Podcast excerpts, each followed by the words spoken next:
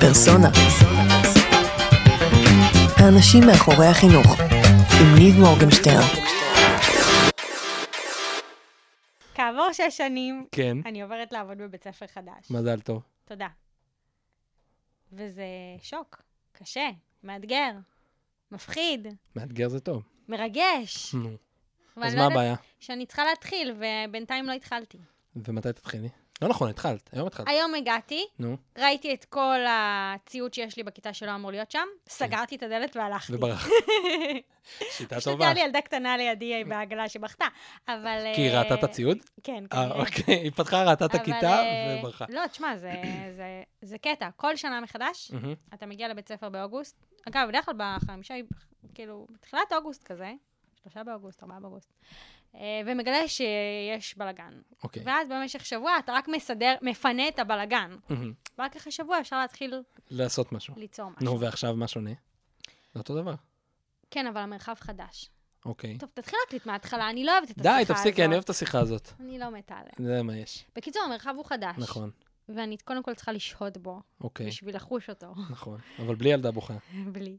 אה, ולהבין מה, איך אני רוצה לסדר אותו.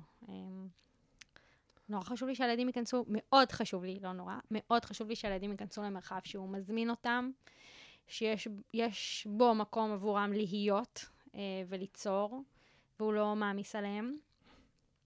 אה, אז צריך לחשוב איך עושים את זה. אז יאללה, את יכולה מפה לחזור אחרי זה ל...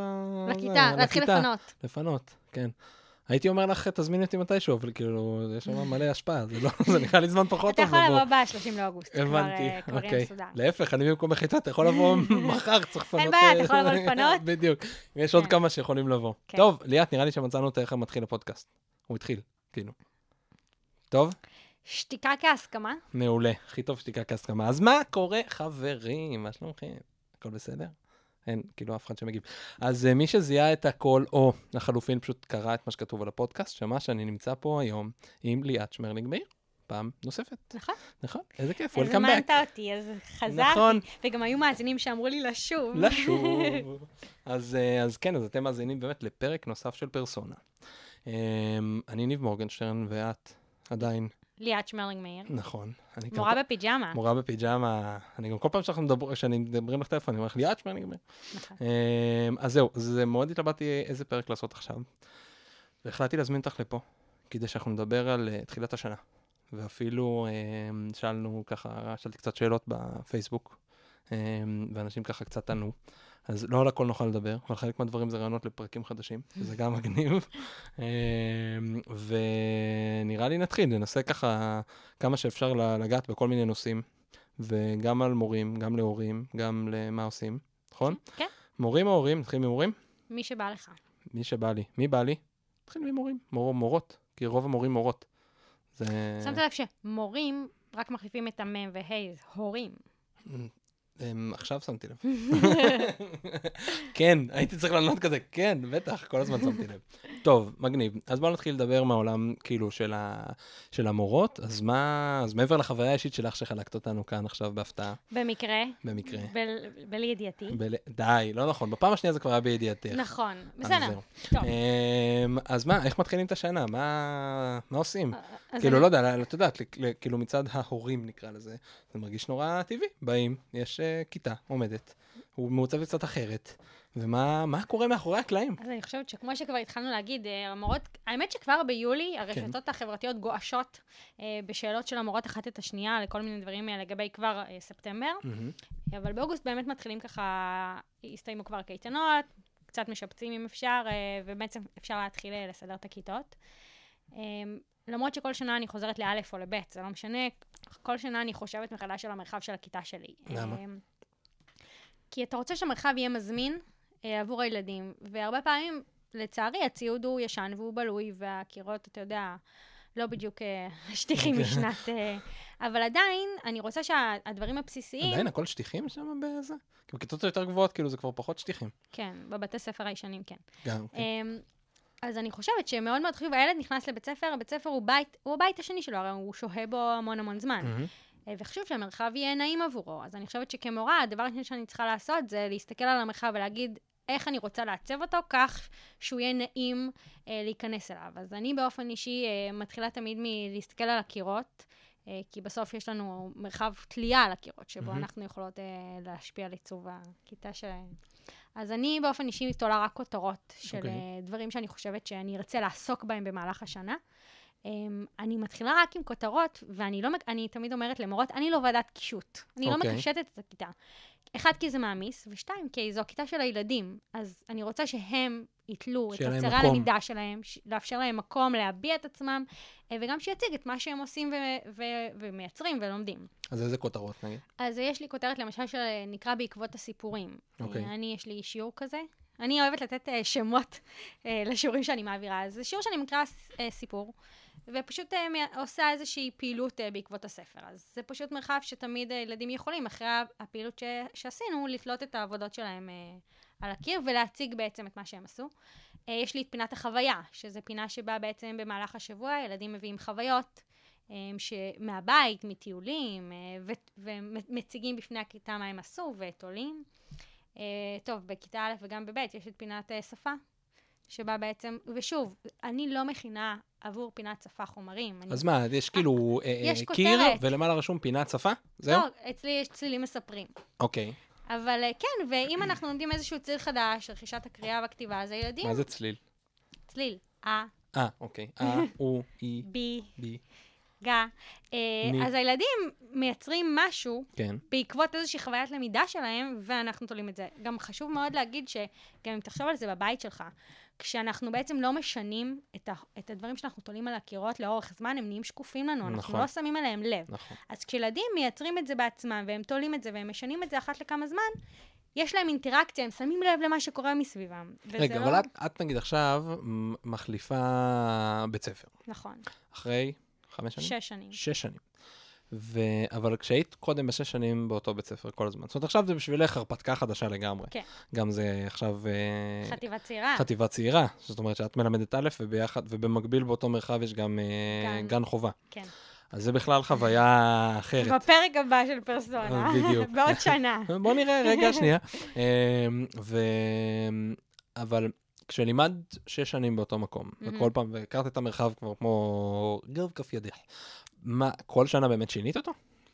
מה שהשתנה זה התוכן שעלה מהילדים. פחות אוקיי. אולי הכותרות שלי. אמ, אבל כן, מבחינת סידור הישיבה, כן, אני, יש למה? לי עניין איך כזה יושבים שאני... אצלך בכיתה?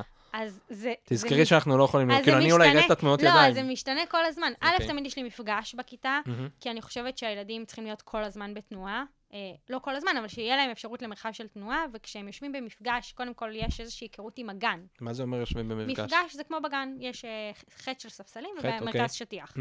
אז כשהם יושבים שם, א', המעבר מהגן לכיתה א' הוא הרבה יותר קל מבחינתם, כי הם מכירים את צורת הישיבה הזאת. ב', כולם קרובים אליי, כך שהם פחות, הם יותר מרוכזים, יש יותר אינטראקציה בינינו, כי אנחנו בעצם יושבים במעגל לצורך העניין, כן, והילדים שקשה להם, במקום להעיר להם, כל מה שאני צריכה לעשות זה לתת להם יד. הבנתי. כי את במרחק נגיעה. כן. מדהים. למה אתם לא יושבים על הספ- על השטיח? יושבים גם על השטיח. אה, אוקיי. זאת אומרת, לפעמים ככה, לפעמים ככה. לא, יש ספסלים פשוט שתוחמים את המרחב, אוקיי. וגם וגם. אה, יש אוקיי. ילדים שיותר נוח להם לשבת על ספסל, זאת אומרת, מאפשרת גמישות בהיבט הזה. כן, אבל יש להם מקומות קבועים, הם פשוט משתנים. Mm. אה, ומסביב יש קבוצות. עכשיו, עכשיו נגיד עוד, סידורים שעשית אה, בכיתה. אז חוץ מקבוצות, יש לי... טוב, זה מאוד קשה, אני לא יכולה להסביר איך זה, אבל יש לי קבוצות שהשולחנות, אפשר לשבת... למאזינים יש דמיון ממש כן, טוב. אפשר לשבת משני צידי השולחן. אוקיי, כך שהילדים יכולים לשבת עם חבר, למרות שעדיין יושבים שני ילדים מצד אחד של השולחן. אוקיי. אה, הבעיה על אותו שולחן או שזה שתי על שולחנות אותו צמודים? שולחן. אוקיי. הבעיה היא שהשולחנות המלבניים האלה הם מאוד מגבילים. כן, אז יש אם את יש ה- אפשרות להוציא אותם החוצה, זה נחמד, ופשוט לשבת על הרצפה. אוקיי. או לשבת על... לשים את החפצים על ספסל. מה הסידור הכי... זאת אומרת, אני חושב שמי שהיה בכיתה, או נמצא בכיתה באופן קבוע, אז יכול לדמיין את מה שאת מדברת עליו, שזה כזה שולחנות צמודים גב לגב, או בקבוצות כן. כאלה, וכזה שתיים אחד ליד השני ועוד אחד למעלה. אני, אני, אם אתם לא רואים את הכל עם הידיים, עם אז הידיים. תסתדרו. אמ, אבל מה, מה נגיד הסידור הכי, לא יודע, ניסוי, או, או כאילו הכי משוגע במרכאות, נקרא לזה, שעשית אי פעם בכיתה? אז אה, הוצאתי את כל השולחנות והכיסאות והבאתי שני אוהלים. וואלה, מה זאת אומרת? זה היה מעולה, כי הילדים... בתחילת שנה או באמצע לא, שנה? היה לנו יום כזה. אוקיי, היה- בוטל הטיול השנתי, אז עשינו טיול שנתי בכיתה. אדיר. אמ, אז היו לנו אוהלים. תקשיב, זה היה מדהים. הילדים עבד... למדו בתוך האוהל. טוב, הם קראו עם פנס, היה... כן. הייתה למידה חווייתית, מה שנקרא, אבל אמ, כל, כל מרחב הוא מזמן אה, למידה אחרת. מהמם. אם אני מאפשרת להם לעבוד מתחת לשולחן, כשהדף מודבק על השולחן, על ה... על- על על ה... על איפה שהמסטיקים. של השולחן, איפה איפה שהמסטיקים. אז גם אה, פתאום איזשהו... משנה את חוויית הלמידה. כן, אז נכון, אה, צריך לחשוב יצירתי. כן. אני, גם אם, ה... גם אם השולחנות לא מאפשרים את זה. אז זהו, אז בואו, בהיבט הזה, אני חושב שהסוגיה של העיצוב זה דבר, אה, דבר ממש קריטי. זאת אומרת, עיצוב זה דבר שמשפיע מאוד על התנהגות ועל, ועל החוויה שלנו. כי אחד, יש את האמירה הידועה של, אה, או- ידועה לחלק מהאנשים לפחות, של אה, פרופסור יורם הרפז, שאומר, אה, ולא רק שלו, אבל שיש כמה מוסדות שכולם מעוצבים אותו דבר, זה בתי חולים, בתי סוהר ובתי ספר. כן.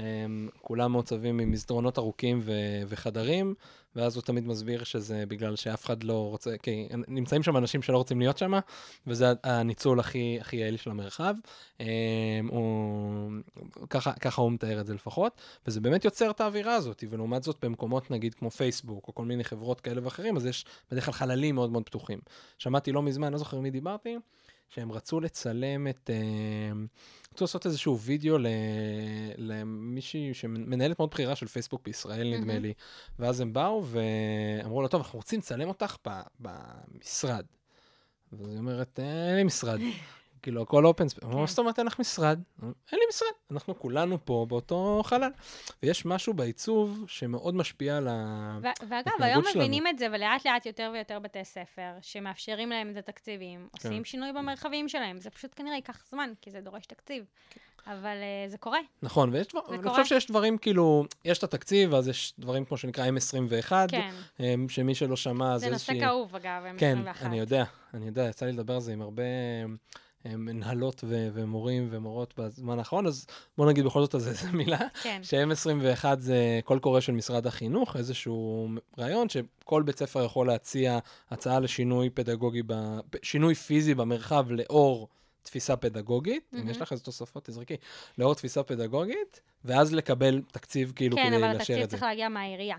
ועל כן... אני מכיר שהתקציב מגיע לעירייה מהמשרד. טוב, י- לא, לא משנה. משנה, לא ניכנס לא ניכנס לזה, לכל אבל מי ביורוקרטיה. כן. שמקבל את זה זה מבורך ובאמת מדהים, אבל אני חושבת שחינוך עושים בכל, בהרבה מקומות בעולם, גם מקומות דלי תקציב, ולכן אנחנו צריכים כרגע להסתדר עם מה שיש שיש. לנו, אה, ולחשוב הכי יצירתי שאפשר. מעולה. יאללה, בוא נעבור לדבר הבא. כן. אמ, בוא נדבר על דבר כזה שנקרא שגרות. זאת אומרת, במיוחד, אולי צריך לחדד את זה בהתחלה, אבל אנחנו מדברים פה בעיקר על, ה- על יסודי, כן, היום- אני מחנכת א'-ב'. נכון. אה, ובעיקר על הכיוון של האלף-בית. אבל ואני לא. רוצה רגע להגיד למה אנחנו מדברים על זה. כי שאלו אותך בפייסבוק, אה, איך מייצרים אה, אווירה טובה נכון. ונעימה, ומכניסים את הילדים ככה בצורה טובה לבית ספר. אה, רצית להגיד משהו על שגרות? כן. אתה רצית. אני רציתי שאת על אה, שגרות. איך מייצרים שגרות? כל שגרות ממילה שגרה. כן. זאת אומרת, אז אני, שוט. אני מאמינה שכדי לייצר אה, איזושהי קהילת ילדים או חברת ילדים ש... שאתה רוצה ש... שתיווצר לך בכיתה, כלומר חברה שבה הילדים אה, אכפתיים אחד לשני, אה, עצמאיים, אה, יודעים לפתור בעיות באופן עצמאי, אה, יצירתיים וכו' וכו', אה, אתה צריך לייצר כל מיני שגרות אה, בכיתה, שאני מאמינה שגם ברגע שהשגרה היא בעצם מוטמעת, אתה יכול לעבור הלאה לשגרה אחרת, כי היא כבר חלק בעצם מההתנהגות של הילדים. מהמם. אה, ובתחילת שנה הדבר שהכי חשוב זה בעצם ליצור אווירה נעימה בכיתה. אז יש כמה אפשרויות לעשות את זה. אה, אני באופן אישי עושה את זה בכיתה, אני מאמינה שאם יעשו את זה במשהו בית ספרי, זה ישפיע בצורה הרבה יותר משמעותית בעצם על כל קהילת בית הספר. אה, אז בוא נתחיל מבוקר טוב. בוקר טוב. בוקר טוב ליד. זה, מכיר את זה שאתה נכנס לבית ספר, אתה אומר בוקר טוב, דממה. דממה. לפעמים גם ממש מופתעים, יש להם איזה כן. פנים מופתעות כזה של, למה מישהו מדבר איתי בכלל? מה אמרת עכשיו? אה, אז זה, היה לי קשה לראות את זה בבוקר, שאני מגיעה ואני אומרת בוקר טוב לילדים, וגם לא לתלמידים שלי, ו... מהמם. אני לא תמיד זוכה למענה. אז החלטתי שאני אה, עובדת על זה, מה שנקרא, ופתחתי בשגרה, בשגרה שנקראת דיאגרמת הבוקר טוב. בכל בוקר בכיתה, ככה את קוראת לזה גם למול הילדים? אנחנו קוראים לזה בוקר טוב. אוקיי, פשוט יש לי דיאגרמה על הלוח, אוקיי. אה, עם מספר ילדי הכיתה פלוס אני, ותאריכים של כל יום בשבוע. ובכל בוקר אני שואלת אותם, בוקר טוב, מי אמר למי בוקר טוב הבוקר, ואיך זה הרגיש. ואז מה קורה? ואז אני שואלת, "אתה- אתה מצביע? אני אומרת, ניב, כן. למי אמרת בוקר טוב? אמרתי היום בוקר טוב לאושר. לאושר. אושר, איך הרגשת? ומה תהיה התשובה שלו? טוב. אתה יכול להרחיב קצת? מה זה אומר טוב? זה עשה לי נעים בלב. מעולה. עוד מישהו אמר בוקר טוב?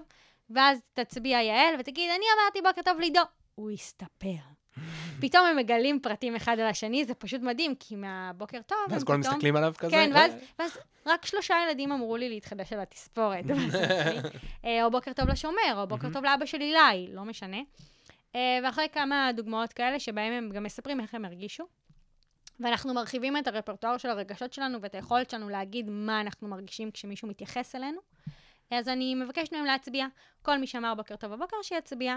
הם מרימים את היד, מגיע מתנדב או מתנדבת אל הלוח, בוחרים צבע, וצובעים בעצם את הדיאגרמה, את מספר הילדים שאמרו בוקר טוב. אוקיי. איך, עם מה? טוש. אה, טוש, אוקיי. היום אמרו עשרה לא, ילדים, פשוט זה, התנועה שעשיתי אה, מהיד עם זה היה. כמו של מברשת צביעת קיר. אז- אה, עשרה ילדים. אוקיי. בוקר לאח- לאחר מכן, ככל הנראה, יהיו יותר ילדים. וככה, בדרך כלל זה לוקח לי שבועיים או שלושה, כן. כשהדיאגרמה בעצם הופכת להיות מלאה כל יום. כל יום. זה כבר... וזה הופך, ואז אני נכנסת בבוקר לכיתה ואני שומעת אותם, אומרים אחד לשני בוקר טוב, או אני הולכת במסדרון, והם אומרים בוקר טוב למנהל, והם אומרים בוקר טוב לאחים שלהם, ואני ככה, רגשנית, כבר ידענו בפרק כן. הקודם, אז אני כזה מתרגשת מאוד, וזהו, ומאז הם אומרים בוקר טוב, ואני לא צריכה יותר, אה, ואז אני כבר לא צריכה בעצם את הדיאגרמה. איך הם מרגישים כשאת מורידה, כשאת מפסיקה עם הדיאגרמה? הם לא שמים לב, אתה יודע? אה, אוקיי. זאת אומרת, יום אחד את באה ומפסיקה? כי אני שמה לב ש... או שאני... תראה, זה תלוי, אני בדרך כלל גם אומרת להם, אתם יודעים, בגלל ששמתי לב שאתם אומרים כבר כל כך הרבה בוקר טוב, אני חושבת שאנחנו כבר לא זקוקים לדיאגרמה. וזה בסדר מבחינתם. אה, מעולה. כי הם, הם גם לא זקוקים לה יותר. כן, אז זו שגרה אחת. מגניב. אה, שגרה שזה, נוספת... אני גם אהבתי פה משהו מאוד, אה, לא רציתי לקטוע אותך, אבל כאילו אחד הדברים שאהבתי מאוד, מעבר לזה שזה מייצר את השגרה ואת ההרגל הזה, זה שאת מאוד ספציפית. זאת אומרת, זה לא... בוקר טוב. לא, את, לא, את מאוד ספציפית, זה לא נגמר בבוקר טוב. זה לא בוקר טוב, איך זה גרם לך כן. להרגיש? טוב. זה גרם להרגיש? נעים. יופי, מעולה ליאת, תודה. בוא נעבור לדנה, שזה, הרבה אנשים אני נוטים לעשות מעמיקה את זה. בשאלה. בדיוק, כי זה מה שמעבר לשגרה הזאת של להגיד בוקר טוב, זה מכניס באמת לטווח, כמו שאמרת, של הרגשות. זה כל כן. הסוגיה של, ה, נקרא לזה, למידה, או העניין של הרגשי-חברתי. זאת אומרת, איך זה גרם לי להרגיש, אבל ממש איך זה גרם לך להרגיש. כי זה אמנם גרם לי להרגיש טוב שמישהו שם לב לתספורת שלי, אגב, הסתפרתי, וגם... אמרתי לך את זה אה, כשהגעתי, נכון? נכון, נכון, שמת לב. אבל זה גם... אה, אה, אבל זה גם, גם היה פה תחושה חמוצה שרק ארבעה אנשים שמו לב כן. לזה. זאת אומרת, זה נותן את כל המגוון הזה, והספציפיות הזאת, אני חושב, היא זו שגורמת אה, לילדים ולאנשים בכלל. זה הרבה יותר כיף שמישהו נותן לך הערה ספציפית. הרבה יותר כיף לי כשמישהו בא אליי ואומר לי, וואי, ניב, שמעתי את הפודקאסט שלך, הפרק עם אה, ליאת שמרלינג מאיר, וואו, היה, היה בעננים. וגם זה ששאלת אותה. ככה כן. בדיוק. אבל, אז, אגב, זה בדיוק השגרה הבאה שלי, כי דבר, אחד הדברים שאני עושה זה נקרא קופסת המחמאות. אוקיי, זה משהו שראיתי רץ ברשת לפני איזה שלוש שנים על איזה מורה לחינוך מיוחד, שכל uh, בוקר נותן מחמאה, יש, היו לו שמונה תלמידים, מהמם. uh, לכל אחד מהתלמידים שלו. וזה הגניב אותי ממש. Uh, ושמתי לב, בעיקר בברכות יום הולדת, שהילדים אומרים ברכות מאוד בנאליות, מאוד לא ספציפיות. עוד פעם, הספציפיות. Uh, כן. ואז מה שאנחנו עושים, וזו שגרה שלוקחת לי כמעט כל השנה, uh, יש לי קופסה, קופסת מקס ברנר ריקה כזאת, מדהים. שבה כל ילד מקבל פתק וכותב את שמו. מכניסים לקופסה. ואז, זו שגרה שהיא, אתה יודע, במקום שגרה אחרת, כי אין כן. לנו זמן אבל ואת זה, לא עושה יותר משגרה אחת בו זמנית. לפעמים אני עושה אחת בבוקר ואחת אחרי אחת ההפסקות. אוקיי. זו נגיד, אני בדרך כלל עושה אחרי הפסקה. Mm. אז, אני, אז מה שבעצם, יש לה הרבה שלבים, נתחיל בשלב הראשון. בעצם המטרה שלי היא שהילדים ילמדו להחמיא ולפרגן אחד לשני ולזהות את הטוב אחד כן. בשני. אה, ובעצמם, כמובן. אז בעצם הם כותבים את השמות, השמות נכנסים לתוך הקופסה, ואז אני מזמינה את ניב, אתה מוציא פתק, הוצאת את השם של גיא. אז גיא מגיע, ואני נותנת לו מחמאה, ודוגמה ספציפית. מחמאה אחת, לצורך מהמם. העניין, גיא, אתה מאוד יצירתי, כי אני רואה שכל חומר שאתה מתנסה בו, אתה עושה דברים מאוד מיוחדים שלא הייתי יכולה לחשוב עליהם. סיימתי, כן. הוא התיישב. Uh, יום למחרת הוא- גיא יבוא, כי הוא היה אתמול, יוציא פתק, ואני אעשה את זה שוב לילד אחר. אתן לו, מח... אה, אתן, אגיד איזה תכונה אני מזהה בו, ואתן דוגמה ספציפית. אחרי שסיימנו את כל הילדים, זה לקח בערך חודש, כי תלוי כמה ילדים יש בכיתה, אנחנו שוב עושים סבב נוסף. אבל הפעם, לא רק אני אחמיא, אלא גם הילד שהוציא את הפתק. וככה אני בעצם מרחיבה כל הזמן את מעגל המחמאות, כך שבסוף הילד שמגיע שיחמיאו לו, שני ילדים מחמיאים לו, אני מחמיאה לו, ילדים מהכיתה מחמיאים לו, והוא מחמיא בחזרה למחמיאים. אוקיי. עכשיו, זה דבר מדהים. כן. כי, כי אתה שומע את השפה שלהם, איך היא, היא, היא, היא נעשית הרבה יותר עשירה. הם יודעים להגיד על עצמם דברים שהם לא ידעו להגיד, כי היה להם קשה לראות על עצמם, אבל ילדים אחרים זיהו בהם. אני מגלה עליהם המון דברים שהם אומרים מאחר הצהריים, מכל מיני דברים. הייתה לי איזו אימא שהתקשרה אליי, איזו אימא אמרה לי, תקשיבי, אני חייבת להגיד לך, לשמוע את הילדים מדברים זה תענוג. אחד עומר אומר לעידו, איך אתה מפרגן לי? אז זה מדהים, וזה באמת, אתה יודע, זה גם מאפשר להם לראות את הטוב באחרים, והרבה פעמים גם אפילו בסביבה. אז אה, גם אפשר לעשות את זה בבית, זה אגב. בדיוק, זה בדיוק מה שבאתי להגיד. באתי להגיד שכל הדברים האלה שאת מדברת עליהם, זה בדיוק מסוג הדברים שאפשר לעשות עליהם, עושה- אפשר לעשות אותם גם בבית. לגמרי. אה, כאילו, גם הסוגיה של הבוקר טוב, נגיד, אני, אני כל הזמן מנסה, כאילו, מנסה, מתרגל אותה כל הזמן עם עמית, נגיד, והשומר בגן, או כן. בכניסה, כאילו, זה גם נכון כזה לכל, אה, לכל גיל. טוב, תני לנו עוד איזה שגרה אחת, ונעבור לעוד משהו. בוא נעשה שגרה ש... שגרה אחרונה. שקשורה לאלימות, נקרא לזה ככה. אה, או לא אלימות. זה גם אה, סוגיה שעלתה, דרך אגב, ב... נכון, שאלו מה עושים עם אלימות. נכון, אז- ואז אמרנו שנעשה מזה פרק, אה, נכון, פרק אלים במיוחד. סתם, לא, פרק נעים. אה, תשמע, אחד הדברים שמאוד קשים זה שהרבה פעמים כמורה אני חוזרת מהפסקה, כן. ומגיע מטר של ילדים עם שלל תלונות, הוא לא שיתף אותי, הוא עשה לי, הוא לקח לי, וככה וככה. אה, ויש כל מיני נהלים בבתי ספר, אבל אני מבחינתי, נהלים האלה הם סוג של כיבוי שרפות. ואם אני אוקיי. רוצה לעשות תהליך משמעותי, אז אני צריכה לעשות אותו בכיתה עם הילדים. מהמם. ומה שאני עושה הרבה פעמים זה אחרי ההפסקה, או אחרי ההפסקה, לצורך העניין הגיעו עכשיו שלושה ילדים, וסיפרו שהם שיחקו, ואחד הילדים בא ואמר שלא שיתפו אותו. אני צריכה לברר את הסוגיה, אני אברר אותה, כמובן, אבל מה שאני רוצה לעשות זה בעצם שאנחנו נוכל ללמוד מה לעשות בפעם הבאה. אז אני עושה, זה נקרא סימולציה מההפסקה. אני מזמינה כמה ילדים לפי מספר השחקנים, ואומרת שהיו, להם... מה- מה זה, ב- במקרה? אני לוקחת את בוא ניקח מקרה, הסיטואציה, בוא ניקח סיטואציה אמיתית. שלושה ילדים אה, שיחקו, הגיע ילד רביעי, רצה להצטרף, הם לא שיתפו אותו. סבבה, לא שיתפו אותו. כן, קורה באופן... אה, קבוע. כן. אז אה, אני לא אעשה את זה מיד, אולי אני אעשה את זה אה, כמה שעות אחרי, אני אזמין שלושה ילדים. למה אני לא עושה את זה מיד? לפעמים זה טרי מדי. אוקיי, ואז זה כואב מדי. בזה. יכול להיות, למרות שהילדים, אה, אה, איכשהו כשמציגים את זה, הם לא זוכרים שהם קשורים לסיטואציה. ברור. אה, אז אני מציגה, אני אומרת, לוקחת שלושה ילדים, אומרת להם בצד, תקשיבו, אתם עכשיו הולכים לשחק בכדור, אורי יבוא, אתם לא משתפים אותו. הם מתים על זה. רגע, אבל את מביאה ילדים שלא היו בסיטואציה. שלא היו בסיטואציה, אוקיי. כמובן. הם מגיעים, מתמסרים, מגיע אורי, אני יכול לשחק? לא. למה? לא רוצים לשתף אותך. אפשר בכל זאת? לא. ממשיכים.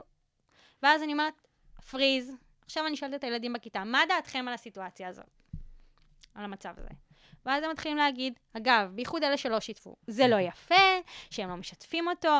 בוא נשאל אותם, למה אתם לא משתפים אותו? אז לפעמים הם אומרים, אנחנו לא רוצים לשתף. האם זה בסדר? לא. כי אנחנו לא משתפים כי לא, לא בא לנו. אנחנו כן יכולים לתת תשובה לגיטימית. לצורך העניין, זה משחק לשלושה. אנחנו לא יכולים שיהיה שחקן רביעי, אז. אני אומרת, אוקיי, אז בוא נמצא מה עושים בפעם הבאה, אז אתה תוכל לשחק איתנו בהפסקה הבאה. אבל לצורך העניין, לא רוצים לשתף כי לא מתחשק להם, אז אני שואלת את אורי, אורי, איך אתה מרגיש עם זה? אני מרגיש מאוד לא נעים עם זה.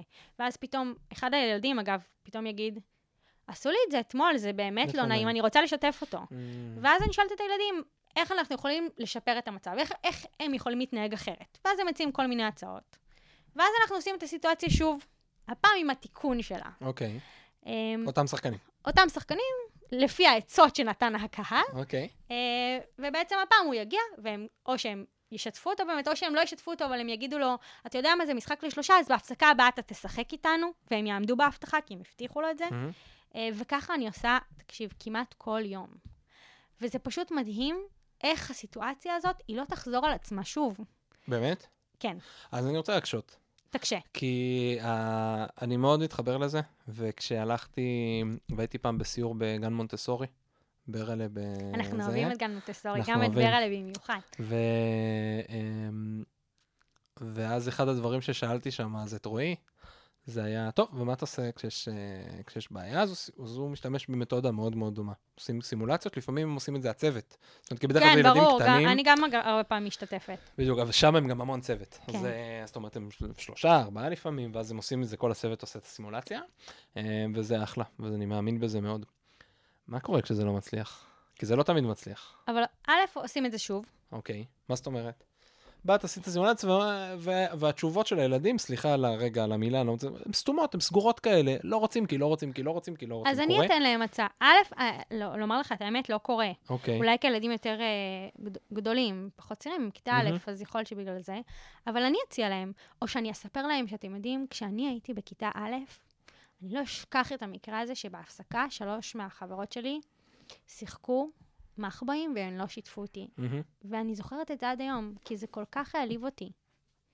תנסי לחבר את זה למקום מאוד זה- מאוד אישי. למקום אישי, אגב, הרבה פעמים אני עושה את זה, אני כן. מספרת, אני מספרת עליהם דרכי, מהמם. וזה עובד. כן. אה, ובסוף תמיד, גם הילד שתמיד משתפים אותו, בסוף לא ישתפו אותו. מהמם. ואני חושבת שבסופו של דבר, הרי הרצון של כולנו זה להיות חלק. ו- והם כן רוצים, אה, גם זה עושה להם תחושה טובה שבסוף הם משתפים. אז אני כן. חושבת שהמקום הזה הוא באמת, אחד, לתת את המקום האישי, וגם, אתה יודע, הרבה פעמים לדבר אחד על אחד עם אותו הילד שלא משתף. העניין של השיחה והמבוגר המשמעותי הזה, זה בסוף מה שפותר את הבעיה. אני ממש לא מאמינה ב... אתה יודע, יש סיטואציות שבהן מורות אומרות לי, אני משאירה אותו בהפסקה. מהמם. זה פשוט אה, נורא בעיניי. כן. ילדים זקוקים להפסקה כמו שמבוגרים זקוקים להפסקה, וזה ברור, עונש. ואני נכון. לא חושבת שצריך לתת עונשים. אה, אני חושבת שצריך לדבר על הדברים, ובסופו של דבר ילד, כשיש לו קשר משמעותי עם מבוגר, לא, אני חושב גם. שמעבר לזה, את יודעת, אני אה, גם עם עצמי נקרא לזה, חלוק כאילו על כל הסוגיה הזאת של, אה, כל הזמן מהדהד בעצמי בראש עם סוגיית העונשים באשר כן. הם, ואני לא אוהב אותה ואני לא אוהב את המילה הזאת, כי אני אוהב מאוד להסתכל על דברים בצורה חיובית. אני חושב גם שהעניין של ה... אנחנו לא ניכנס לכל זה לגמרי, אבל העניין של הגזל הפסקה נקרא לזה, הוא הוא לא משהו לעניין. על סף לא פרופורציונלי. זאת אומרת, כי גם ככה שיעורים ויום לימודים מלא הוא, הוא דבר לא פשוט ל, ל, לרוב הם האנשים. זקוקים לזה. נכון? וזה זה כאילו משהו כזה של... אתה יודע, אפשר, אם אין לנו זמן לדבר בשיעור, זה בסדר לדבר שלוש דקות בהפסקה, אבל ילד כן. חייב לצאת להפסקה. נכון, צריך את זה. בסדר, תראי, הרבה ממה שאמרת כאן, זה... אחד, אני חושב שלגמרי, כמו שאמרת, זה משהו לעשות אותו גם מבוגרים. כאילו, עם ילדים עם ילדים גדולים. יותר. אגב, גם בבית בין אחים, אם יש נכון. מספיק אחים במשפחה. אמא ואבא, בשביל זה יש לי אמא ואבא ו- ואבא כן. שעשו modeling. או השכנים. בכלל. אגב, זה הכל modeling. נכון. כל מה שנתנו עכשיו דוגמאות, זה, זה קודם כל דוגמה אישית שלי כמחנכת, וכשאני, סליחה שהפסקתי אותך רגע, לא, אבל לא. כשאני הולכת בחדר מורים ונשפך קפה וילד עובר והוא רואה אותי עוזרת לקולגות שלי לנקות, הוא קיבל ממני דוגמה אישית. ברור. אז זה הכל, זה כל הזמן באמת עניין של, דוגמה אישית. עשה ומדהים. מה שאתה רוצה שילדים אחרים, כן. מה שהילדים יעשו. יש את הסרטון הזה, Children see, Children do, סרטון כן. מעולה שמראה בדיוק את הדבר הזה. אז אני חושב שיש פה פעם אחת הסוגיה של, ה, של המודלינג, פעם נוספת הסוגיה של הספציפיות. אתה להיות ספציפי, זה לא, זה לא נעים, כי זה לא נעים, אז אל תעשה את זה עוד פעם, אלא מה קרה ומה הרגשת ולאיזה מקום. ו... וגם ילדים מאוד אוהבים לספר סיפורים. נכון. אז כשאתה שואל אותם, הם יעמיקו בסיפור. הם ייתנו את הדוגמאות. כן. ואת ה... מגניב. Um, טוב, אז אני רוצה שניקח עוד שני, שתי סוגיות בעולם של המורים, ונעבור אוקיי. לעולם של ההורים. בסדר? אוקיי. יאללה, אז ניקח אחד את היום, לא, נסיים עם זה בסוף. הייחוד, משהו שדיברנו עליו מקודם, הייחודיות שלי כמורה, או כמורה ופרויקט. בואו נדבר על זה. אז קודם כל אני רוצה להגיד שזה באמת זכות להיות מורה. אני, אם הייתי צריכה עכשיו לבחור מקצוע, הייתי בוחרת את אותו המקצוע שוב, בלי לחשוב פעמיים. באמת. אוקיי. כי... לא, באמת, אני אומרת לך, כי... ליאת, תבחרי רגע איזה מקצוע שאת רוצה. למה, לא, לא, למה. אתה, למה אתה אומר? כי אני חושבת שכל שנה יש לי הזדמנות לה, להמציא את עצמי מחדש. אה, ולהשפיע באיזושהי רמה על כל ילד מתוך העולם שלו, אה, ובעצם להביא לו משהו שאולי אה, יפתח את עולמו ויעשיר אותו. כן. אז אני חושבת שכמורה, אני, אני, אני אפילו אוסיף על זה עוד משהו ברשותך, בטח. ואני אגיד שיש לנו במהלך החיים שלנו כל מיני צמתים שגורמים לנו לעשות, אה, שהם הזדמנות לשינוי, אוקיי? אז זוגיות זה הזדמנות לשינוי, נישואים זה הזדמנות לשינוי, ילדים זה הזדמנות לשינוי, מקום עבודה חדש, כל, כל נקודה כזאת היא הזדמנות לשינוי. ויש משהו אה, יפה בבית ספר, שיש לו את הקאט הזה, נכון. שיש את הקאט הזה, לכולם יש איזושהי הזדמנות, אפשר להתווכח יותר או פחות, להתאוורר, אה, אבל יש פה הזדמנות איזושהי להתאוורר ולשנות setting, ואז לחזור. ואפשר לחזור לאותה שגרה, כמו שאמרת מקודם, ל... או, אה, כמו שדיברנו מקודם על, ה... על העיצוב הפיזי, כן. לאותם כותרות, לאותו מבנה, לאותו דבר, לאותם צבעים, אבל אפשר לעשות פה שינוי שאני חושב שהוא משמעותי גם לשני הצדדים. זאת אומרת, הוא יכול להיות משמעותי לתלמידים כמובן, אם זו אותה כיתה או גם Mhm. אם זה זה, וגם למורה ולמורה אם זה, אם זה המורה הזדמנות תמיד חדשה. חייבת לבוא עם משהו שמלהיב אותה. בדיוק. כי כשמשהו מלהיב אותה, זה גם ילהיב את הילדים. אה, אז דיברנו על זה שבאמת כמורה, בחודשיים של יולי-אוגוסט, יש לי הזדמנות אה, לחלום מחדש. ולחשוב מה השנה אני רוצה לעשות אחרת. טוב, אבל לא יכול ואיזה- שיש לך שבועיים, כאילו... זה לא משנה, זה, זה באמת, זה, זה לשאול את עצמי, אולי יש איזשהו ערך שממש בא לי, ממש, אני ממש רוצה לעסוק בו, והוא חשוב לי. אולי יש איזה פרויקט שראיתי באינטרנט שאני מאוד רוצה לקחת ולעשות אותו. אה, ולחשוב מה הדבר הספציפי הזה שאני רוצה השנה לעשות אחרת. אה, ודיברנו על זה שזה צריך להיות עכשיו, כי כשמתחילה השנה אז יש המון אה, עומס ומטלות ודבר- השגרה. ושגרה. יש שגרה. אז רציתי לתת דוגמה מאוד, משהו מאוד קטן ופשוט שאפשר לעשות. מהמם. יש פרויקט שנקרא The Peace Project, אה, שפתחה אותו איזושהי, הקימה אותו איזושהי אנימטורית מדיסני, אה, שהחליטה שהיא בעד שלום עולמי, שזה תמיד חשוב. תמיד חשוב.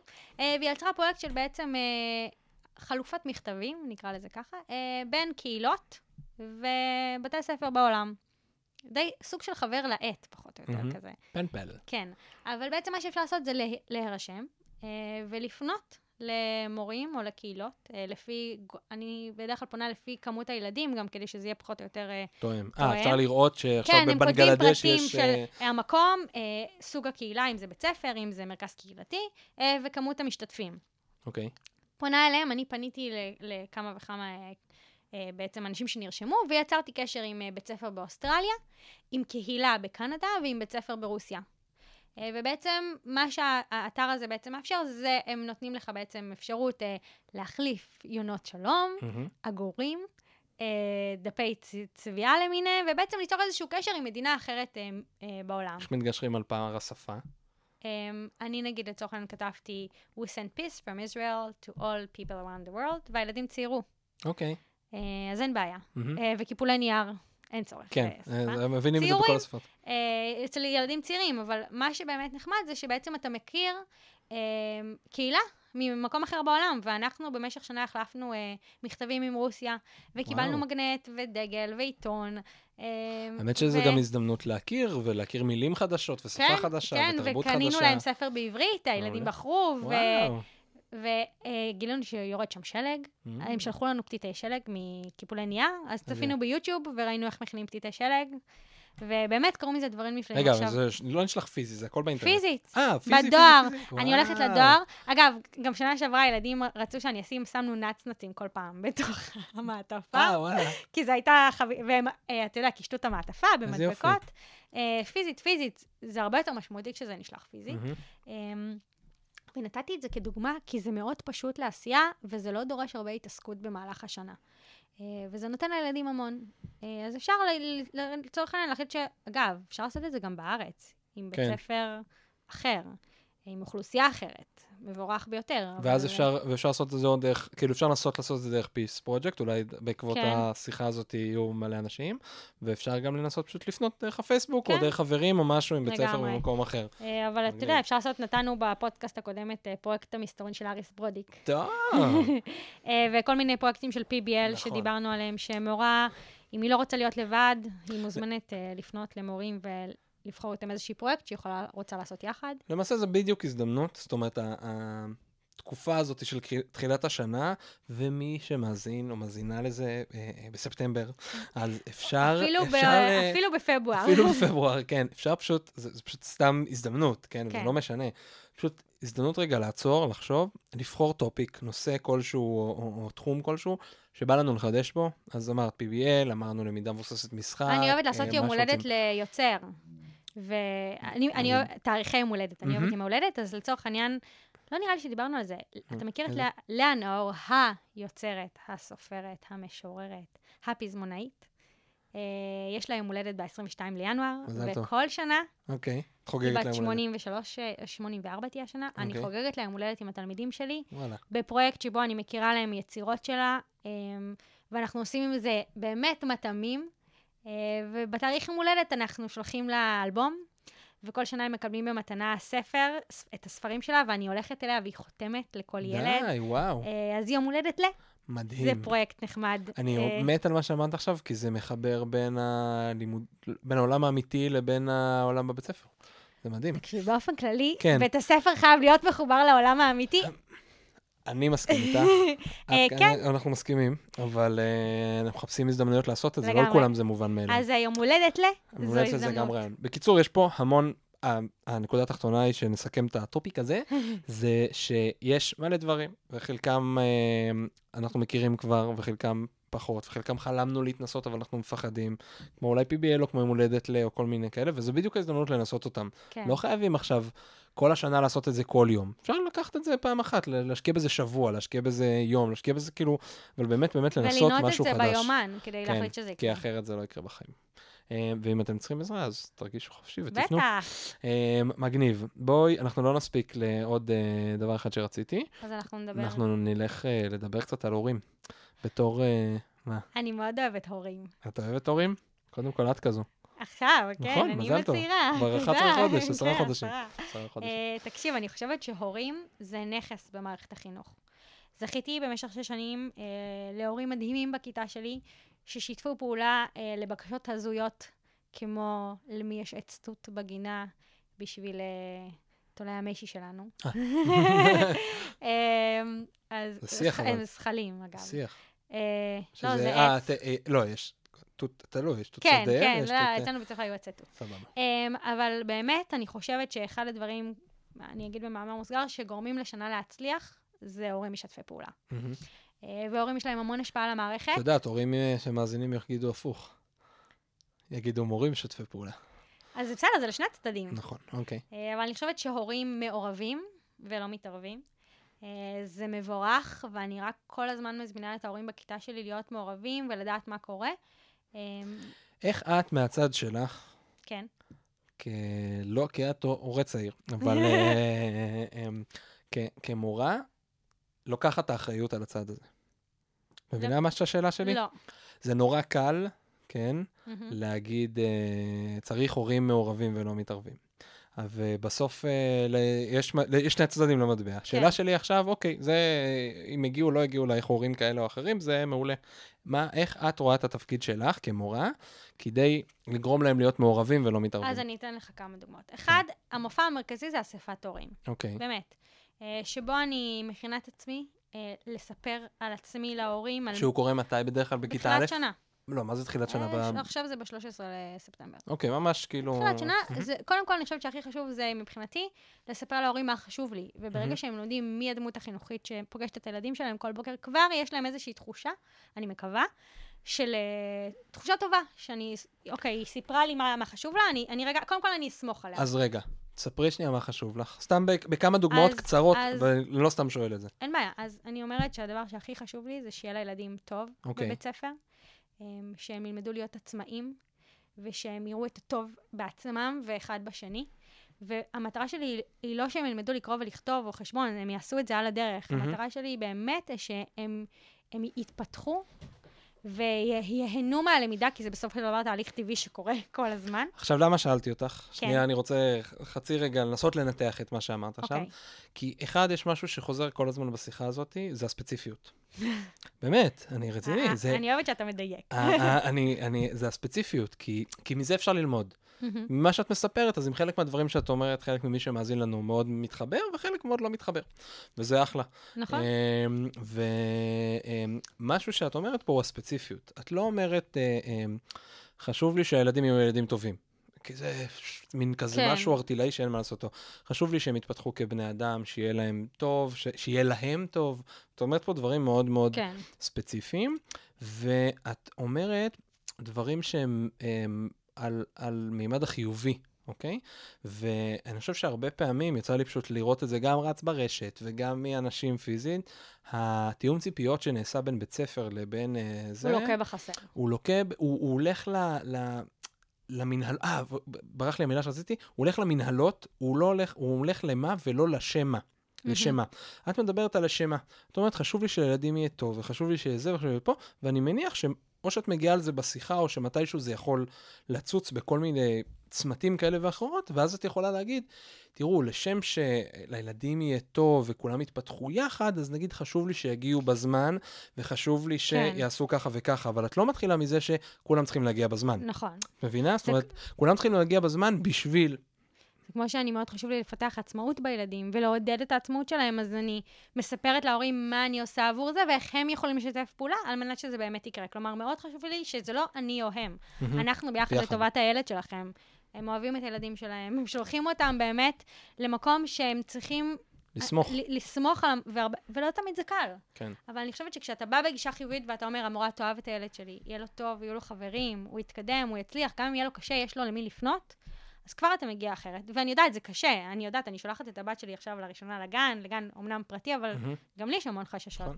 אבל uh, ברגע שבחרת, או לשם אתה הולך, אז אתה צריך לשחרר. ואני אני רוצה להגיד את זה פה, בג- בגלל שאנחנו מדברים גם מהכובע של ההורים, אז אני חושב שזה נכון גם לצד השני. אני חושב שגם ההורים צריכים להסביר את הלשם מה שלהם. למה להם, נגיד, חשוב, אם משהו נגיד מתנגש, משהו כן. מתנגש בערכים או בתפיסת עולם של ההורים והמורים, אז אני חושב שכל צד חשוב שיגיד, יסביר את הרציונל. אני נגיד, בהחלט. סתם, קיבלתי עכשיו גם, ג'ויה עוד שנייה הולכת לאיזשהו גן אחר, וקיבלנו מהגן חוברת נהלים כזאת, מה זה ארוכה, כאילו. כן, ממש, של, אה, של מה וזה, אבל היא עשתה משהו מאוד יפה. היא שמה בטור מה הנוהל, מה צריך לקרות ולמה הוא, ואת הרציונל מאחוריו. עכשיו, עם חלק מהדברים, כשקראתי אותם בהתחלה, אמרתי, למה היא עושה את זה? מה, מה, לאן הכנסנו את עצמנו? אבל אז אתה קורא את הרציונל, אתה אומר, וואלכ, יש פה איזשהו היגיון ואני מכבד אותו. כן. וכאילו, ואני יכול להבין את הדמות של הצד השני. וגם באופן כללי, אני חושבת שאחד הקשיים הרבה פעמים זה שילד מגיע הביתה והוא מאוד נסער ממשהו שקרה בבית ספר, זה יכול להיות דבר קטן, זה יכול להיות דבר גדול. עכשיו, ההורה, התפקיד שלו זה להכיל את הילד, מהמם. לתת לו להתפרק ולדבר איתו ולראות איך אנחנו פותרים את הבעיה. אבל הרבה פעמים הורים מאוד מאוד נסערים באותו הרגע, ואז הם מרימים טלפון למורה, ברגע ש... בזמן שהם עדיין נסערים, ואז השיחה לא הולכת למקום טוב. אז אני חושבת שגם אני כמורה, כשקורה משהו בבית ספר, הרבה פעמים אני לוקחת לי רגע. אני לא מתקשרת ישר להורים, כי מאוד חשוב שהשיח יהיה מכבד. כן. כמו שאני אדבר לילדים, תמיד, בכבוד, בגובה העיניים, בצורה נעימה, גם כשקרה משהו קשה, זה מאוד חשוב שההורים יזכרו שבסוף עומד מולם בן אדם שרוצה רק בטוב הילד שלהם. כן. והרבה פעמים זה מתפספס, ושם זה ניגר למקומות ש... שאנחנו לא רוצים שזה יגיע אליהם. אה, אז חשוב לקחת אה, אוויר. כולם צריכים לקחת כולם אוויר. צריכים לקחת אוויר. ולזכור שבסוף, טובתו של, טובתם של הילדים זה לנגד... לגמרי. אה, זה. מין, אני תמיד מסתכל על זה כמו מין אה, מרוץ מאוד ארוך של העברת, אה, מקל. נו, של העברת מקל. באמת, אני כאילו, כשאני שם את הילדים שלי, אז היום זה בגנים, כשאני שם את הילדים שלי בגנים, אני בעיניי מעביר מקל עכשיו לגננת. ולסייעת ולכל הצוות, שישמרו, יגנו, ילמדו ויטפחו את הילדים שלי, ואותו דבר אני רוצה לקבל הפוך, את המקל נכון. חזרה ולהבין מה היה ולמה. אז בואו מפה קפצנו בדיוק לסוגיה של פתרון בעיות ועצמאות, ואיך אנחנו, איך אנחנו מטפחים אותה, ואיך אנחנו עוזרים באמת, אה, אה, מצד של ההורים רגע, דווקא כן. נסתכל, איך אנחנו כ- כהורים יכולים לעזור, במיוחד לילדים אה, של כיתה א', כמו שדיברנו, לפתח יותר עצמאות ו- ולהסתכל על זה בדרך אחרת. אז קודם כל, אני חושבת שבאופן כללי צריך מאוד לשדר לילדים שסומכים עליהם. עכשיו, זה ברמה של, אה, יישמע לך אולי אה, מצחיק, אבל לסדר את האלקוט ולסדר את הקלמר זה משהו שצריך להתאמן עליו, והוא מהמם. באחריות הילדים. אז כבר מתחילת שנה צריך לאמן אותם בלעשות את זה, בלהכניס את הכריך לאלקוט, בלמלא מים בבקבוק. אה, זה דברים שנשמעים לנו טריוויאליים, אבל כשילד מגיע לבית ספר בלי כריך, א', מבחינתו זה חוויה קשה, ובטח כן. מבחינת ההורה שצריך לרוץ אה, בשעה. עשרה להביא את הכריך. אז באמת, זה, יש דברים שצריך כבר מהבית, אתה, אתה שם את הכריך לבד באלקוט, אני אכין לך את הכריך הכי מושקע, אגב, מושקע, אגב, הם מתים על זה ששמים להם פתק בכריך, טיפ מהמם. קטן. אמ, אז זה בדברים האלה, אבל בדברים הגדולים יותר, כמו פתרון בעיות, אני אומרת, אתה יודע, מכיר את זה שילד מעבירים אותו מקום, וזו חוויה מאוד קשה, ואז הוא בא הביתה והוא בוכה, והוא לא רוצה לשבת ליד אותה כן. ילדה, או היא לא רוצה לשבת ליד אותו ילד, ואז מה הדבר הראשון שההורה רוצה לעשות? טלפון, שלום ליאת, למה? העברת את הילד שלי העברת- מקום? כן. תחזירי אותו חזרה למקום שלו. אז, אה, אז בסיטואציה הזו לא פתרנו את הבעיה. אולי פתרנו אותה נקודתית בזה שאני אעביר אותו מקום, אבל כן. לא פתרנו את הבעיה. לא, מה זה לא פתרנו? מה לימדנו את הילד? לימדנו את. הילד שכל בעיה שיש, לא, לימדנו, לא, אנחנו תמיד מלמדים את כן, הילדים משהו. לימדנו את הילד שההורה פותר את הבעיה, ואין צורך אה, להתאמץ. נכון. אה, לעומת זאת, כשאתה תבוא הביתה ותגיד, אה, שעמית יבוא הביתה ויגיד, אבא, העבירו אותי מקום, וזה לא, לא, אני לא אוהב את זה, אז אתה תשאל אותו, מה לא טוב במקום החדש? מה כן טוב במקום החדש? מהמם. ליד מי היית רוצה לשבת? אוקיי, מה אנחנו יכולים לעשות? אז כשאני אדבר עם המורה זה לא יעזור, כי זה לא המקום שלי. אתה צריך לדבר, מה יעזור לך לדבר איתה? אז אם הוא מס, מרגיש מספיק בנוח, אז הוא ייגש אליה באמת, וידבר איתה, ואז הבעיה תיפתר בתוך רגע, וגם לא תהיה תחושת מסוגלות אדירה שהוא מסוגל בעצמו לפתור את הבעיה שהפריעה לו. ואם לא, אז אפשר לפעמים נגיד הילדים לא פונים בהתחלה כי הם חוששים, אז ההורה יכול לסמס למורה, תקשיבי, אה, עמית רוצה לדבר איתך, את יכולה בבקשה לפנות אליו, זה בסדר, כי זה עוזר עדיין לילד לעשות את הצעד בלי שההורה היה מעורב מבחינת הילד. כן. אפשר ללכת יד ביד ולהגיד, את יודעת, עמית רוצה להגיד לך רגע משהו, אבל מאוד חשוב שהילדים ירגישו בנוח לפנות לאנשי הצוות ולסמוך עליהם. בין אם זה לא משנה, המורה בחוג ג'ודו אחר הצהריים, או, או באמת המורה בכיתה. שילמדו לפנות לדמות סמכות. זה ממש ממש חשוב. אה, זה נותן תחושת מסוגלות אדירה, ותחושת השולט בגורל שלך באיזשהו מקום. אה, אז, אז זה דבר בסיסי בעיניי, לאפשר לילדים לפתור את הבעיות. כמובן שההורה צריך להיות כל הזמן מאחורי הקלעים, כן. לדבר, כן. לשאול. אה, דיברנו על עצמאות, אז, אז אחד הדברים ש... שתמיד אה, בכיתה אני נותנת איזושהי משימה, לצורך העניין, למחר צריך להביא חולצה לבנה. ואז מה אוקיי. הילדים שואלים אותי? זה חובה? לא, הם לא. שואלים, את תשלחי מייל. אה, אוקיי. ואז אני אומרת להם, לא. ואז יש היסטריה קלה. אבל אני מלמדת אותם, אני מלמדת אותם כבר בתחילת השנה, שלכל אחד בראש יש מזוודה, שנקראת מזוודת האחריות. לכל אחד בראש החכם היצירתי שלו יש מזוודה. כל אחד יש לו מזוודה שנראית אחרת, אז אנחנו עוצמים את העיניים, הנה אני עוצמת, אתם לא רואים את העיניים. כן. ושואלת אותם איך נראית המזוודה שלהם, ואז אחד המזוודה שלו זה מזוודת כדורגל, והשני זה מזוודת לב, ומזוודה של חתולים, ו... אוקיי, ואז אני אומרת להם, לצורך העניין, מחר צריך להביא חולצה לבנה, אז כולם עכשיו עוצמים עיניים, פותחים את מזוודת האחריות, ומכניסים, ממש רואים את החולצה הלבנה, נכנסת, נכנסת לתוך המזוודה וסוגרים. כשאתם חוזרים הביתה, אחרי שנכנסתם בפתח הדלת, הדבר הראשון שאתם עושים זה פותחים את המזוודה, ומוצאים את החולצה. עכשיו, אני מספרת את זה גם להורים באספת הורים. למה? כדי שהם יוכלו לשאול את הילד כשהוא יגיע הביתה, יש לך היום משהו במזוודת האחריות? עכשיו, תשמע, זה עובד. וואו. זה עובד כמו כזה, חוץ מ... תמיד יש את ה... גם יש פה שפה משותפת. שזה הכי חשוב, שזה באמת. מאוד מאוד חשוב, כי יש פה שפה, כי אם ההורים גם יודעים... אה, שיש לגמרי. פה זה, אז יש פה שפה משותפת. וגם אם המורה לא לימדה בכיתה, אז ההורה יכול, אתה יכול בבית ללמד את עמית על מזוודת mm-hmm. האחריות, ולשאול אותו, והוא ידע לעשות את זה לבד. כן. עכשיו, גם מה שמצחיק זה תמיד, אתה יודע, יש את הילד הזה שאומר, יש לי חורים במזוודה. כי באמת קשה לו לזכור, ואז הילדים מציעים כל מיני איתומים כאלה של המזוודה. אה, ותשמע, בדברים החשובים, כמו חולצה לבנה לטקס, אני ככל נראה אשלח מייל, כי אני כן. לא רוצה שיקרה מצב שילד יגיע בלי חולצה לבנה. אבל דברים כמו בקבוק, בקבוק פלסטיק שצריך להביא, אני לא אכתוב להורים, אבל אני, אני יודעת שהם יביאו, ואגב, תמיד יהיו את אלה שיביאו יותר. שתיים, וגם כן. אני אביא. Mm-hmm. וזה באמת, אחרי תרגול של אה, פחות מחודש, עובד כמו קסם. תרגולות. אחריות. ספציפי. דרך אגב, רק שתדעי לך שעכשיו עמית היה בקייטנה, שהגננת הנפלאה והסייעת הנפלאה, קרן ושושי עשו להם, והם עשו כל יום בצבע אחר. והיא שלחה לנו כמובן מייל. כן. אני לא, כאילו, הסתכלתי על המייל, קראתי, אבל לא באמת זכרתי כל יום את הצבע, אבל עמית כל יום חזר. כל יום חזר, אה, מחר יום כתום, מחר יום אדום, מחר יום צהוב, מחר, אבל אבא, זה בסדר, אין לנו חולצה צהובה, אפשר לבוא גם עם משחק צהוב. זה היה נהדר, זה היה פשוט נפלא. ואיזה תחושה בטח יש לו של אחריות ושל שליטה על עולמו. וואי, לגמרי, באמת. ברור. מדהים. אה, דרך אגב, כל מה שאת אומרת עכשיו מתחיל המון בגן. מתחיל המון לפני. זאת אומרת, גם עמית, הוא, עוד פעם, נדבר בחוויות האישית שלי, אז הוא שם בעצמו את הבקבוק מים במקום בגן, הוא שם את האוכל בגן, הוא לוקח את הדברים שלו, ולפעמים הוא אומר, אבא, לא הבאתי היום איזה משחק. אמרתי לו, עמית, אחריות שלך, אתה צריך לזכור להביא משחק, כן. אני אעזור לך, אבל זה אצלך בידיים. טוב, אני רוצה שנסיים עם... כבר נגמר הזמן? כבר נגמר אבל הזמן. אבל הייתה לנו רשימה של מלא דברים. נכון, וכרגיל, אה, אנחנו לא מגיעים... זה כי פתחת בהפתעה ואני לא ידעתי. הפתעה, הכי כיף הפתעות. אמ, אני רוצה שנסיים עם השאלות. דיברנו שנדבר קצת על שאלות ששואלים בבית. כן. נכון? הילדים הלכו לבית ספר, ואז הם חזרו.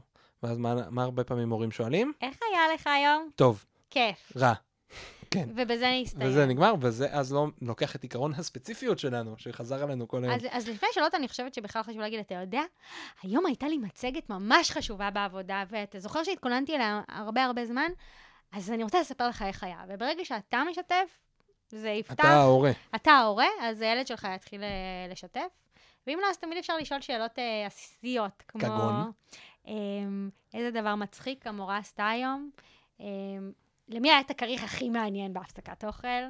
Uh, אתה יודע מה, איזה מעשה חברי עשית היום? כי אם אני, חשוב לי שהילד שלי יהיה uh, אדיב ואכפתי, אז איזה מעשה חברי עשית היום, או מה לא הצלחת היום, מהמם. ותרצי שאני אעזור לך, או מה הצלחת היום שלא הצלחת אתמול. בדיוק, הדבר והיפוכו, מה היה משהו ממש טוב שקרה היום בבית הספר, ומה היה משהו קצת פחות טוב, או משהו ששימח אותך, או כן. משהו שפחות שימח אותך, או משהו שהכעיס אותך גם נכון. מותר. או משהו שגרם לך לצחוק. מעולה, היה שאלה משהו ש... מעולה. נכון? משהו שגרם, היום, משהו היה שגרם משהו שגרם. לך היום לצחוק, משהו שגרם לך להרגיש טוב. כן, כן, כי זה מאוד, הדגש של ה... לשים משהו חיובי, כאילו, על, אה, כן. על כל דבר. הרי הרבה פעמים ילדים, הם חוב... כאילו, מה זה הרבה פעמים? חווים מלא דברים במהלך היום. והם לא זוכרים בסוף היום. בדיוק. צריך לשאול שאלות ספציפיות. נכון. סוגיה של אה, הספציפיות וגם- חזרה פה הרבה. כן, וגם אגב, אה, ארוחה משפחתית שבה כל אחד צריך להגיד משהו טוב שקרה לו היום. אתה יודע, זה איזושהי שגרה שאפשר להכניס למשפחה. שכל אחד משתף, אז אני גם לומד להקשיב, אני נכון. לומד להתעניין, אני לומד לשאול שאלות. אה, ו- וגם אני חושבת שחשוב לזכור שכל ילד, או גם אנחנו כאנשים מבוגרים, לא תמיד מתאים לנו לשתף. נכון. וצריך לזהות את הזמן הספציפי שמתאים לכל אחד לשתף ולהיות שם. זה יכול להיות בארוחת ערב, זה יכול להיות אחרי האמבטיה, וזה גם יכול להיות יום אחרי אה, בדרך לבית ספר או לגן. מהמם. אז זה גם חשוב לזכור את זה. או למצוא איזושהי נקודה שבהם... יותר מזה, אני חושב שזה חשוב שאנחנו, כאילו אם אנחנו שואלים שאלה, אנחנו נהיה פנויים להקשיב. זאת אומרת שהטלפון יהיה על כן. שקט, בשאיפה על שקט, רחוק מאיתנו, שלא יפריע לנו, כי זה הדבר שאני הכי לא אוהב לראות. אני הכי לא אוהב לראות, אמ, וגם אני מאוד משתדל שזה לא יקרה לי, זה שבן אדם שואל שאלה, ילד או... את יודעת מה? כל בן אדם, ואז בטלפון. כן. זאת אומרת, זה נורא. זאת אומרת, אתה רוצה לשאול, במיוחד את הילד, הילדה, הרכים שלכם, כאילו, רוצים לשאול שאלה, תהיו צריך איתם. להקדיש לזה זמן ספציפי. בדיוק. בין ואתם- אם זה שלוש דקות אפילו. נכון. אבל להיות באמת פנויים להקשיב. ואם אתם לא פנויים עכשיו, אז תחכו. זה לא שווה. אה, לשאול את השאלה, את יודעת מה, אני לפעמים תופס את עצמי, מ- רוב הזמן אני משתדל לאסוף תמיד ברגל, כי יש לנו את הפריבילגיה. אבל לפעמים קורה שאני אוסף אותו באוטו, כי אני חוזר מהעבודה, כי אנחנו נוסעים למקום אחר, לא יודע מה. אז אני גם אפילו לא נהנה לשאול אותו את השאלות האלה, כשאנחנו תוך כדי נסיעה כל כך. אתה לא יכול אז- להסתכל לו בעיניים. בדיוק, אין לי קשר עין, אני עסוק במיליון דברים, פתאום ההוא חתך אותך, זה עשה לך ככה, כאילו, מלא דברים שמסיטים את תשומת הלב. אה, אמרנו שזה, בסוף לא עשינו, אמרנו שנעשה רשימה של שאלות. נכון. צריכים לעשות רשימה של שאלות. טוב, רגע, צריך לסכם? יאללה, אני תסכמי, רוצה להגיד משהו. תגידי. אה, אני רוצה להגיד שיש הרבה דברים להגיד על מערכת החינוך. מהמם. אה, אבל בסופו של דבר, הילד הספציפי שלכם פוגש מורה או מורה או גננת מאוד מאוד מסוימת, אה, וצריך תמיד אה, לזכור ש... שכולם רוצים בטובת הילד, אז, אז חשוב לחשוב חיובי, להגיד מילה טובה, ובאמת להיות שם גם בשביל הילדים שלכם וגם בשביל המורים, שהרבה פעמים אין מה לעשות, הם זקוקים להורים שישתפו איתם פעולה, יפרגנו ויקחו חלק. אה, כדי שבאמת הילדים שלנו יהיו ב, במסגרת הכי הכי טובה שאנחנו יכולים ומייחלים להם. אה, ואני מאחלת את זה לעצמי כאימא וכמורה, וואו, מכל הכיוונים. אחלה סיום. כן? כן, תודה. איזה כיף. ותודה שהזמנת אותי שוב. בכיף, תודה שבאת, היה תענוג. וחבר'ה, תודה רבה לכם שהאזנתם. והיה לנו כיף. ואם יש לכם עוד שאלות, רעיונות, בעיות, אז תרגישו חופשי אה, לרשום, בין אם זה דרך האתר, ובין אם זה ליאת ספציפית, או אליי ואני אעביר את זה לליאת, או בדף פייסבוק, או אליך ואני אעביר אליך. או בדיוק, או לליאת ותעביר ותעביר אליי. בוא נעשה את זה ככה, כל מי שרוצה לשאול שאלה את ליאת, שישלח אליי, כל מי שרוצה לשאול שאלה אותי, שישלח לליאת. זהו, אז שיהיה לכולנו שנה נפלאה וטובה. ומוצלחת. ומוצלחת. וחיובית. וואו, הכי חיובית וספציפית. וספציפית. אז יאללה ביי. ביי. יאללה ביי.